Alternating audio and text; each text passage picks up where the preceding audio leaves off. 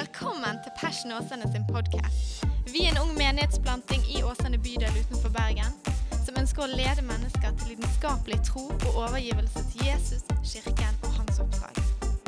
Takk for at du lytter til vår podkast, og vi håper du blir oppmuntret og utfordret i din etterfølgelse av Jesus. så tror vi at dåpen, sånn som vi kjenner den, i hvert fall den ytre formen for dåp, kommer fra den jødiske diasporaen før Jesus sin tid. Og Diaspora det betydde jøder som bodde utenfor Israel.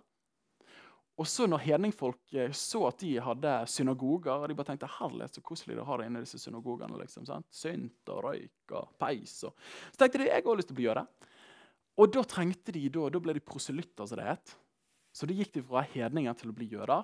Og da hadde de et renselsesbad. Det var et ritual der de ble vasket for å liksom bli, eh, bli en, eh, en følger av den jødiske loven.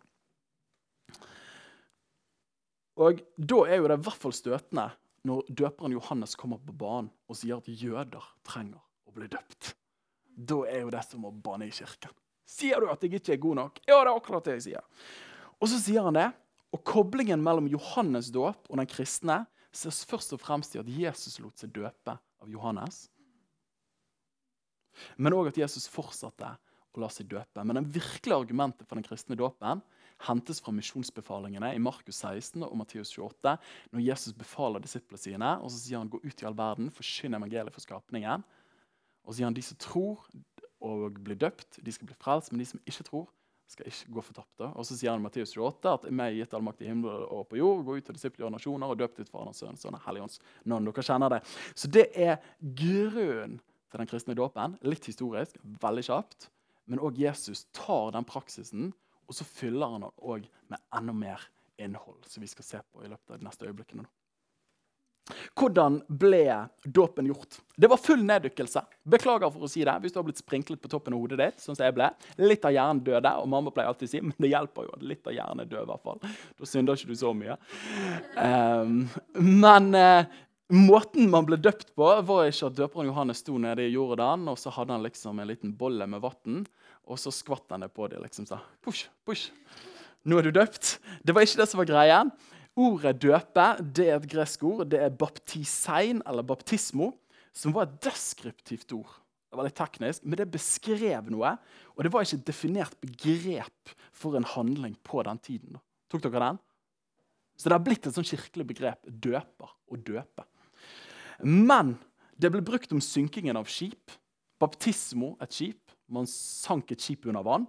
Men det ble uh, brukt om dyppingen av en kopp i vin. At man dyppet koppen ned i vin. Og vi tror jo ikke på vin og promille, så det var sikkert vann.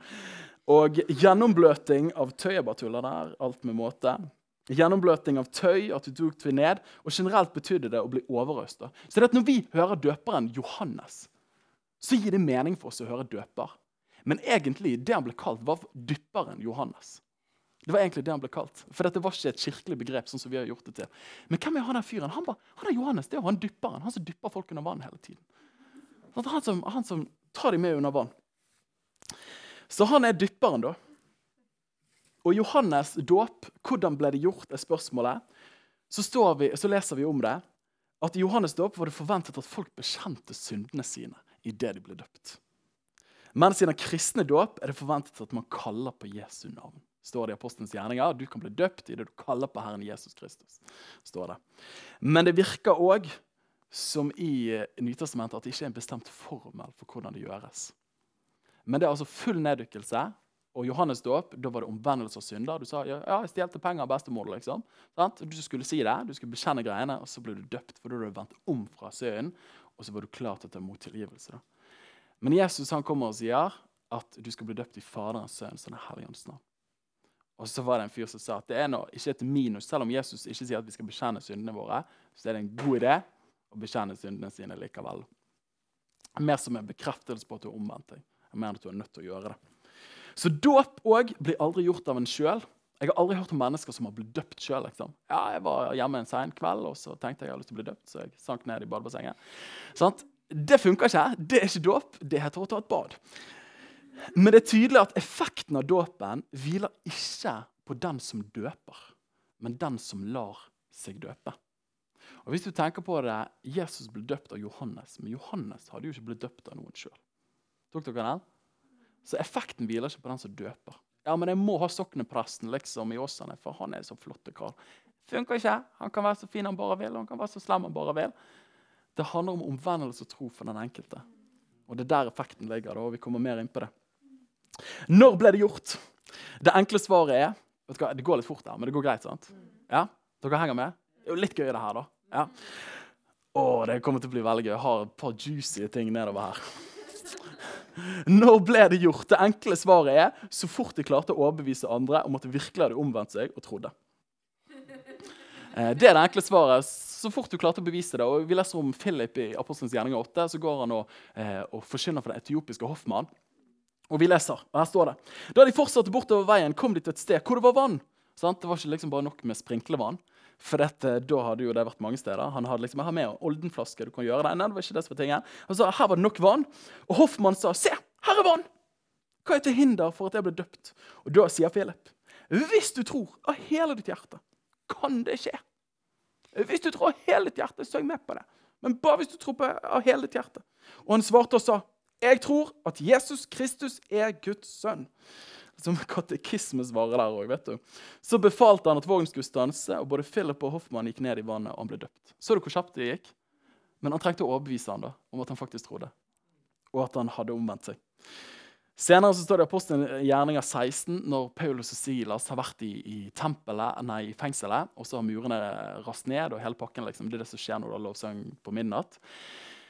Så raser den ned, og så fangevokteren hadde tenkt å ta sitt eget liv. Men så blir han frelst, og så står det Og han tok dem ut og sa, Herrer, hva må jeg gjøre for å bli frelst? sier fangevokteren til Paulus og Silas. De svarte, tro på Herren Jesus Kristus, og du skal bli frelst, du og ditt husfolk. Det er liksom, det er ikke bare deg, det er hele husfolket. liksom, Yatzy, bingo, du får hele pakken. Så talte de Herrens ord til han og til alle som var i hans hus. De forsynte for dem. Det var ikke sånn at du bare ble frelst fordi du kom unna vannet. Og i samme time på natten, samme time, tok de, ham, tok de dem og vasket sårene deres etter piskeslagene, og han og alle som hørte han, ble døpt med det samme. Så det at Av og til når du hører forkynnelse om dåp, så kan det virke sånn at du trenger å bli så fin, from og prektig før du kan la deg døpe. Det er ikke sånn det fungerer. Dåpen er startskuddet til det kristne livet. Da. Så så lenge du har omvendt deg i ditt hjerte og tror på Kristus, så er du klar for dåpens grav. Dåpen ble gjort av andre, men det var den døpte som det, altså det ble avgjort på den som døp, lot seg døpe av sin egen tro og egen samvittighet. Og det er tydelig at det å la seg døpe var deres form for frelsesbønn. Det var deres form for frelsesbønn. Hvor de gikk ifra å ikke følge Jesus til å bli en disippel. Og hør på det her, Dette synes jeg er noe av det mest interessante i møte med dåpen, som jeg tror mange av oss her i Vesten, og særlig oss som lever i barnedåpskulturer, vi har mistet. Og For mennesker i andre kulturer, så liksom i Asia og Midtøsten, så er det gjerne godtatt at barna går på kristne møter. At de leser i Bibelen, at de hører på Hillsong-plater eller at de hører på Battle. Og, og de, har hele den greien der, men den dagen de lar seg døpe, så starter ofte, ofte forfølgelsen. Men gjerne utestenging fra familien, og i noen tilfeller så ender det òg med drapet. Jeg har lyst til å påstå at disse kulturene ofte har en mer forståelse, bibelsk forståelse av hva dåp egentlig er for noe, enn det vi har. Og de forstår den grensesprengende karakteren som dåp faktisk er. Og at du går, forlater fra én sammenheng og blir satt inn i en ny sammenheng. Mens for oss så er det gjerne at vi har en liten sølvskei fra når vi var fire måneder gammel. Og bare sånn, ja, Det er mitt dåpsminne. Henter masse tro og styrke fra det. Sånn? Og så har du den lille boksen med hårlokken i. Det er jo kanskje noe annet, men uansett. Eh, dere skjønner hva jeg mener. Og Jeg skal ikke harselere med de ulike dåpssynene, men eh, vi har jo en åpen og ærlig samtale her. Eh, og det mener jeg mener jo dyp respekt for mennesker som mener ulike ting om dette. her. Det viktige er bare at man, at man er overbevist ut ifra Guds ord. Eh, og man kan ikke annet enn å legge fram det som man har sett, så langt man har sett sjøl.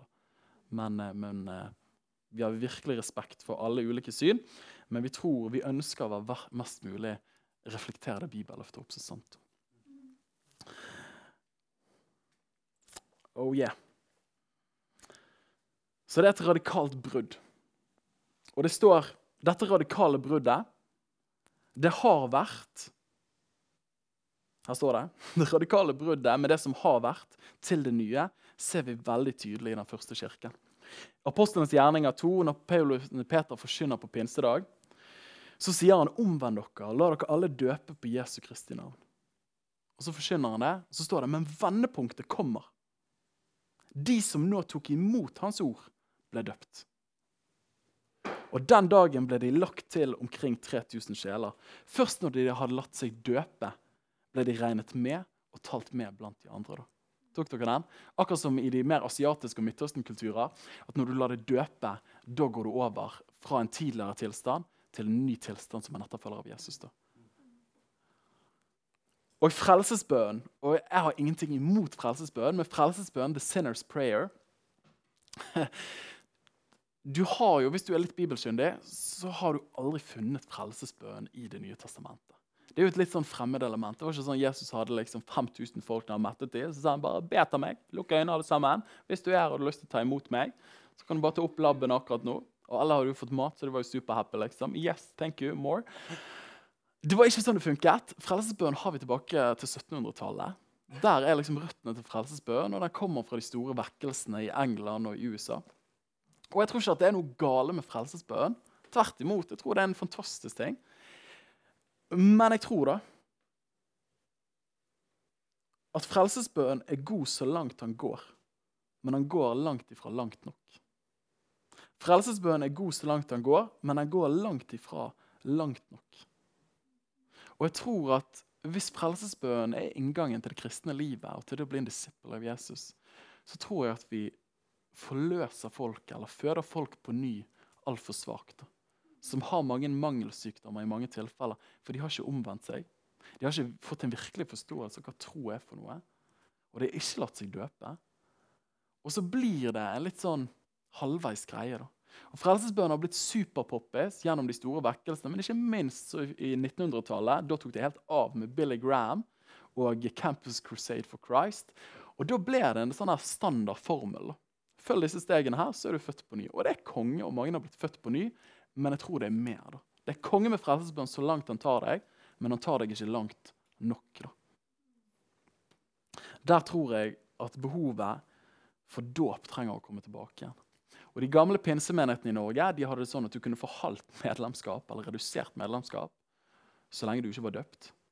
Eller hvis du var barnedøpt, så var du liksom, du var 50% med. Og folk på herlighet, hvor frekke de er. liksom. Er de så kalde? Åpne Norge, liksom. Vi må ta imot alle sammen. Men de hadde en forståelse av at du er virkelig medlem den dagen du lar deg døpe på din egen tro og bekjennelse. da.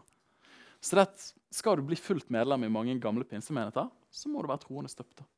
Jeg sier ikke at det er sånn man er nødt til å gjøre det, men jeg syns det er kult at de tar Guds ord på alvor. sånn som det er. For det er tydelig at dåpen er inngangen til det kristne livet. Hvorfor har vi behov for dåp? Klokken er tre på ti om kvelden. Dette her er havregryn sent på vi har nå satt på bakgrunnen for dåp, men hvorfor er dåpen viktig? Og hva gjør egentlig dåpen? Og Dette er jo de store spørsmålene. Og I møte med dette spørsmålet støter man på de store uenighetene som ulike kirkesamfunn har i møte med dåpen. Og Her beveger vi oss et, på et spektrum, mer enn fra et ja-nei-ståsted i møte med de ulike forståelsene av dåp. Og Det må sies at man berører dette landskapet her med en ydmyk frimodighet, vel vitende at i møte med dåpen som med alle andre guddommelige sannheter, så ser vi stykkevis, og vi ser delt. Og man møter disse store spørsmålstegn her òg med en grad av mysterium. At det er ikke alt vi klarer å forstå, men vi søker å forstå det. Men enkelt sagt, helt enkelt sagt, hva er behovet for dåp? Hvorfor trenger vi dåp? Da vil jeg si at dåpen har både en ytre, en fysisk og en symbolsk side. Det er liksom ytre, den menneskelige dimensjonen. Men så tror jeg òg dåpen har en indre, en åndelig og en sakramental side. Her var det mange ord. Men at når du blir døpt, så er ikke det bare en ytre greie. Men det skjer òg noe på innsiden. Det er ikke bare en greie der mennesket er det handler aktøren. Det er ingen tvil om at mennesket er noe av det handler aktøren. Det er ikke sånn at den dagen du bestemmer for å la deg døpe, så kommer det en engel og dypper deg under vann. Liksom. Sånn, du, du, er med på det, men jeg tror samtidig at Gud gjør noe i dåpen òg. At det er både menneskelig og guddommelig på samme tid. Og Jeg har summert opp innholdet i dåpen. Hva er dåpen for noe? Hvorfor er det viktig? Jo, jeg tror det er tre enkle b-er som jeg har lyst til å løfte opp her. Er du klar for dem? Den første er bekjennelse for Kristus. Den andre er begravelse med Kristus. Og den tredje er begynnelse med Kristus. En ny begynnelse med Kristus. Den første er bekjennelse for Kristus. Det som skiller dåpen ifra omvendelse, og tro og åndsdåp, er at det er en fysisk handling som utføres med egen vilje. Det gjør jo troen òg. Det er ikke sånn at Gud kommer og ligger deg liksom i trosmuskel og sier at du er nødt til å tro. Men, men det å la seg døpe er en fysisk ytre handling, og det er òg en observerbar handling. ikke sant? Du, du, kan ikke bli døpt og late som du ikke ble døpt. Du ble døpt.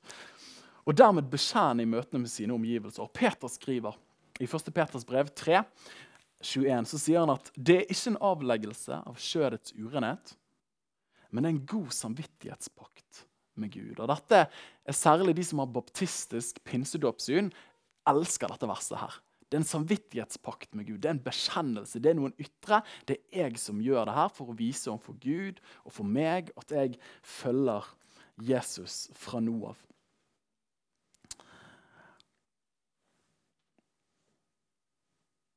Så det er en bekjennelseshandling. Det er et oppbrudd fra det gamle og en overgang til det nye. Og det ville naturligvis være en offentlig bekjennelse for omgivelsene ettersom man ikke kan døpe seg sjøl, men man blir fra den tiden av en del av det kristne fellesskapet. Så at Når du lar deg døpe, så er det en bekjennelseshandling, en pakt mellom deg og Gud. Gud, jeg mener alvor med deg fra nå av. Da begraver jeg det gamle, og så går jeg inn i det nye. Så dette er en avtale mellom deg og meg, Gud, men òg for omgivelsene. Ser dere det? At det er en bekjennelseshandling på tre plan. Overfor deg sjøl, overfor Gud og overfor menneskene rundt og fellesskapet kirken rundt. Så det er tre dimensjoner der. Dette gikk fort. Vi hopper videre. Det er òg en begravelse med Kristus. Paulus beskriver dåpen i Romeren 6 på følgende måte. Hør på det, Dette er en fantastisk beskrivelse av dåpen. Eller vet dere ikke at alle vi som ble døpt til Kristus Jesus, ble døpt til hans død? Vi ble altså begravet med han ved dåpen til døden. For hvis vi har blitt forenet med ham i likhet med hans død Nå bare, altså sier jeg de enkelte jeg tar ikke de sammenheng. For vi vet dette, at vårt gamle menneske ble korsfestet med han, for at syndelegeme skulle bli fratatt sin makt, så vi ikke lenger lever som slaver under søen. For den som er død, er rettferdiggjort av søen. Når vi lar oss døpe, så er Skriften tydelig på at vi ble ett med Kristus i hans død. Vårt gamle liv, syndene og dens makt over oss blir begravet sammen med Kristus. Det mister sin makt over oss. Og Her er det bare ufattelige dybder. Og jeg har lyst til å oppmuntre alle sammen, Hvis du har lyst til å studere dåp, gå inn i Romane 6 og drøvtygg de versene og det kapitlet der. For det er så utrolig fyldig. Der beskriver hva Gud gjør når vi lar oss døpe. Og Dette kan leses på en symbolsk måte, og det er helt sant, og det har en verdi. Nemlig at vår fortid er forbi og begravet, lagt bak en gang for alle. Men jeg vil òg påstå at Skriftens språk hevder at det er langt mer enn bare symbolsk, det som finner sted i Romerne 6. At det er et uteliggende menneskelig anliggende, det tror jeg ikke. Jeg tror òg at det er sakramentalt. At Gud faktisk handler i dåpen. Og helt enkelt, sakramentalt det betyr at Gud er den handleaktøren men symbolsk blir ofte forstått som at du er den handlende aktøren. Og I de fleste henvisningene i Nytestamentet til dåp så er språket instrumentelt. Og ikke bare symbolsk. Instrumentelt i den forstand at når du lar deg døpe, så utfører dåpen en effekt på oss. da. Og hør på det her. Det er ikke akkurat som et bad, men dåpen er et bad. Det er ikke akkurat som en begravelse, men dåpen er en begravelse. Tegnet skaper faktisk det det peker mot. Tok dere den? Og så Vi leser flere steder i Apostelens gjerninger. Hør på det her. I Apostelens gjerninger 22, 16, så beskriver Paulus den dagen han kom til tro og lot seg døpe. Så sier han, han sa, Ananias Satan, stå opp og la deg døpe, og få dine synder vasket bort i det du kaller på hans navn. Tok dere det? Idet du blir døpt, så får du syndene vasket bort. Det er ganske heavy, da. En annen sted så Apostelens gjerninger 2.38 så sier Peter på pinsedag La dere alle døpe på Jesu Kristi navn til syndenes forlatelse. Nei, men Sier du at syndenes forlatelse henger sammen med at jeg blir døpt? Hva er dette her for noe? Og Endte språk er både beskrivende og bekreftende på hva som skjer i dåpen. Fokuset er på den guddommelige aktivitet og ikke den menneskelige. Det er et nådemiddel til tilgivelse og frelse. Og NTs forfattere er ikke redd for å bruke ordet 'frelse' i forbindelse med dåpen. Shoot, vi kommer mer til det her. Hør på det her, bare disse versene her. Jesus sier i misjonsbefalingen den som tror og blir døpt, skal bli frelst. Men den som ikke tror, skal gå fortapt. Så så det er tydelig at troen er det suverene, men troen henger på en eller annen måte sammen med dåpen òg. At det er ikke bare at du døper deg etter at du har begynt å tro, men at det, at det akkurat som det er en symbiose der. Ser dere den? Og Jeg sier ikke at dette er enkelt, og jeg sier ikke at det er enkelt for det inn i en systematisk teologisk firkant Excel-boks, for det funker ikke sånn. Men jeg tror det er mer enn det enkelte sider tar Videre sier Jesus til Nikodemus når spørsmålet er, når han kommer og sier hvordan kan jeg bli født på ny. Jeg kommer ikke inn i mamma sin mage. Jeg klarer ikke det. Jeg er gammel mann. liksom. Og så sier Jesus, sannelig, sannelig sier jeg deg, den som ikke ble født av vann og ånd, kan ikke komme inn i Guds rike. Johannes 3,5. Videre står det i Titus 3,5 òg. Så står det Han frelste oss ikke av gjerninger vi hadde gjort i rettferdighet, men etter sin miskunnhet, ved gjenfødelsens og fornyelsens bad ved Den hellige ånd. Hva, hva, er greien her, liksom? Og kanskje er Peter den tydeligste når han rett før det med samvittighetspakt Så sier Peter i 3.20 så sier han, Når han snakker om Noah og båten og floden, så sier han i den ble noen få, dvs. Si åtte sjeler, frelst ved vann. Det som også nå frelser oss i sitt motbilde dåpen. Shit! De bruker dåp og frelse nesten synonymt. da. Hva betyr disse greiene her? Og Hadde du kommet til apostelet og sagt at vet du hva, jeg er tilgitt og jeg er frelst uten å være døpt, så tror ikke jeg de hadde forstått hva du mente. da.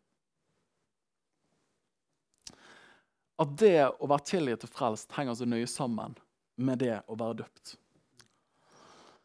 Og Her må det nevnes de tre hovedtilnærmingene til hva som skjer i dåpen. Dette er litt teknisk, men ta på dere geek-brillene.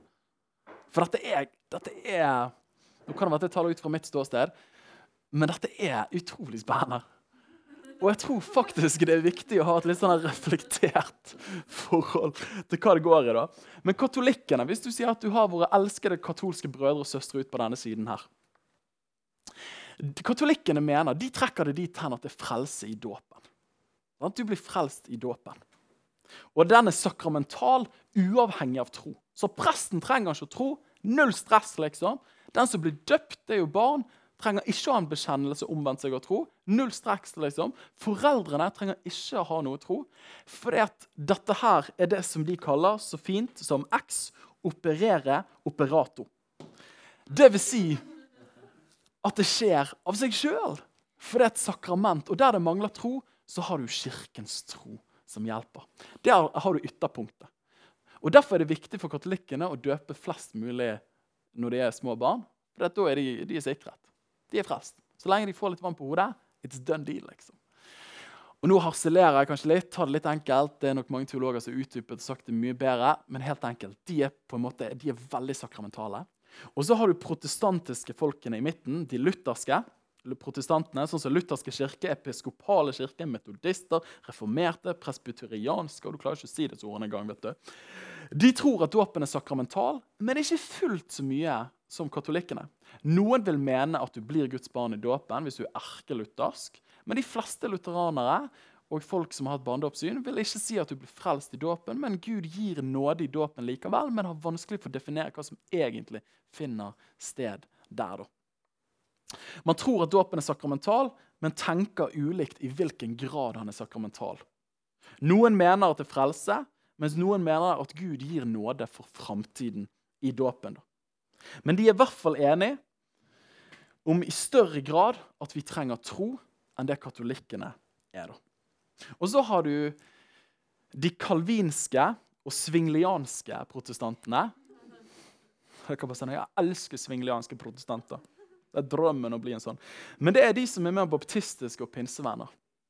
De tror ikke at dåpen er sakramental. De tror at den bare er symbolsk. At det er bare noe mennesket gjør, og det er ikke noe Gud gjør i dåpen. Tok dere det? Så da Katolikkene God is all the thing. Og så har du protestantene og Luther og de gjengen i midten. De tror at Gud gjør noe, men ikke like mye som vi gjør hos katolikkene. Man gjør litt mindre, og tro er veldig viktig for de òg. Og de tror at barna kan tro, og de tror gjerne at foreldrene sin tro holder for barna, eller at presten sin tro holder for barna. Og så har du pinsevenner, eller kalvinske og svingelianske.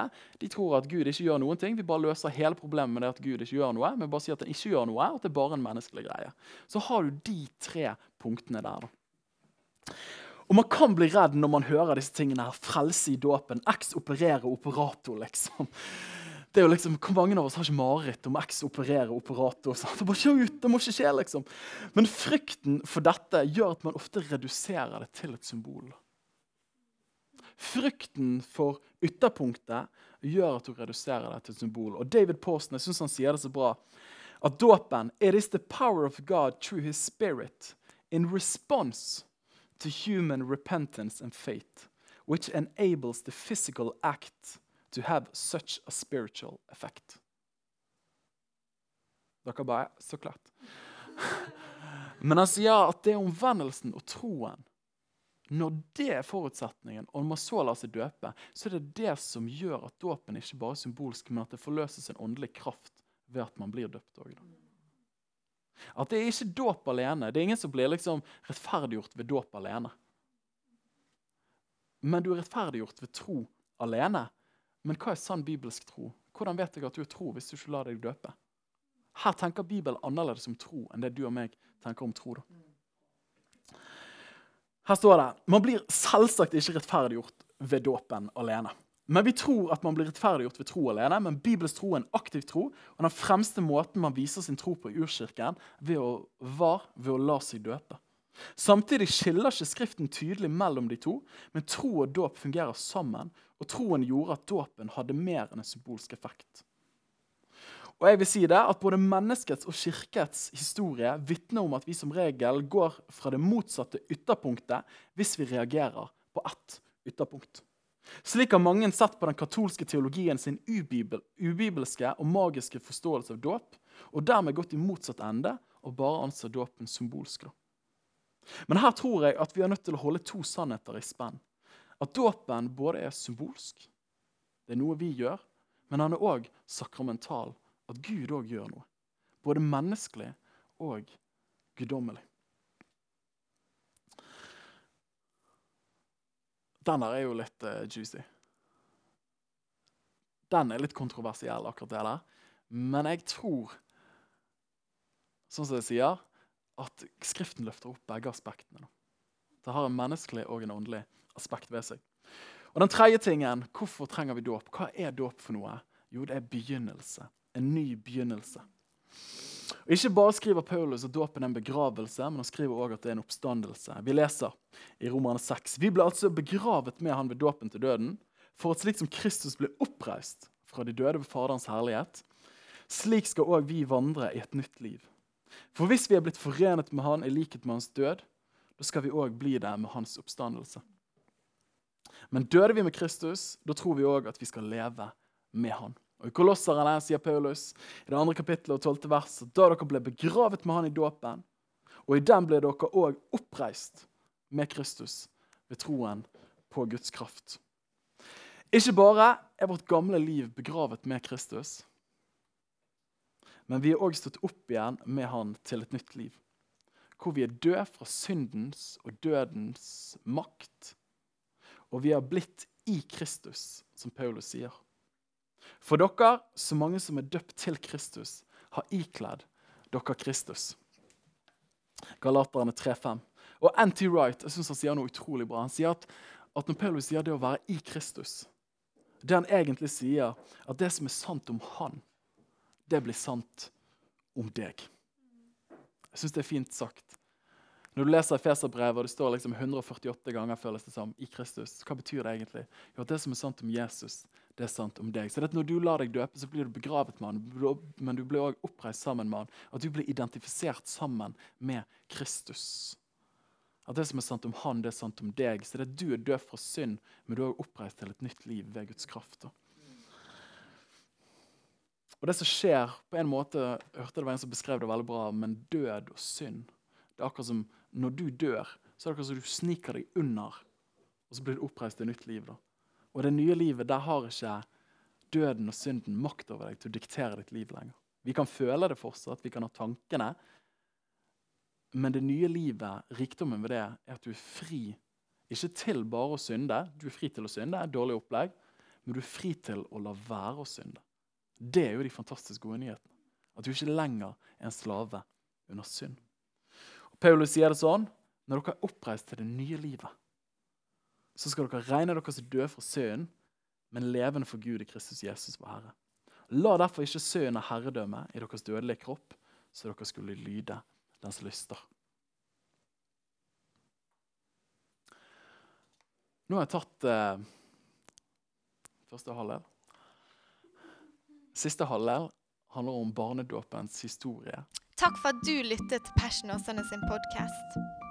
Hvis budskapet inspirerte deg, del det gjerne videre, slik at enda flere kan bli styrket av Guds ord. Gud har en plan for ditt liv. Følg Jesus lidenskapelig og bety en forskjell for mennesker i din verden.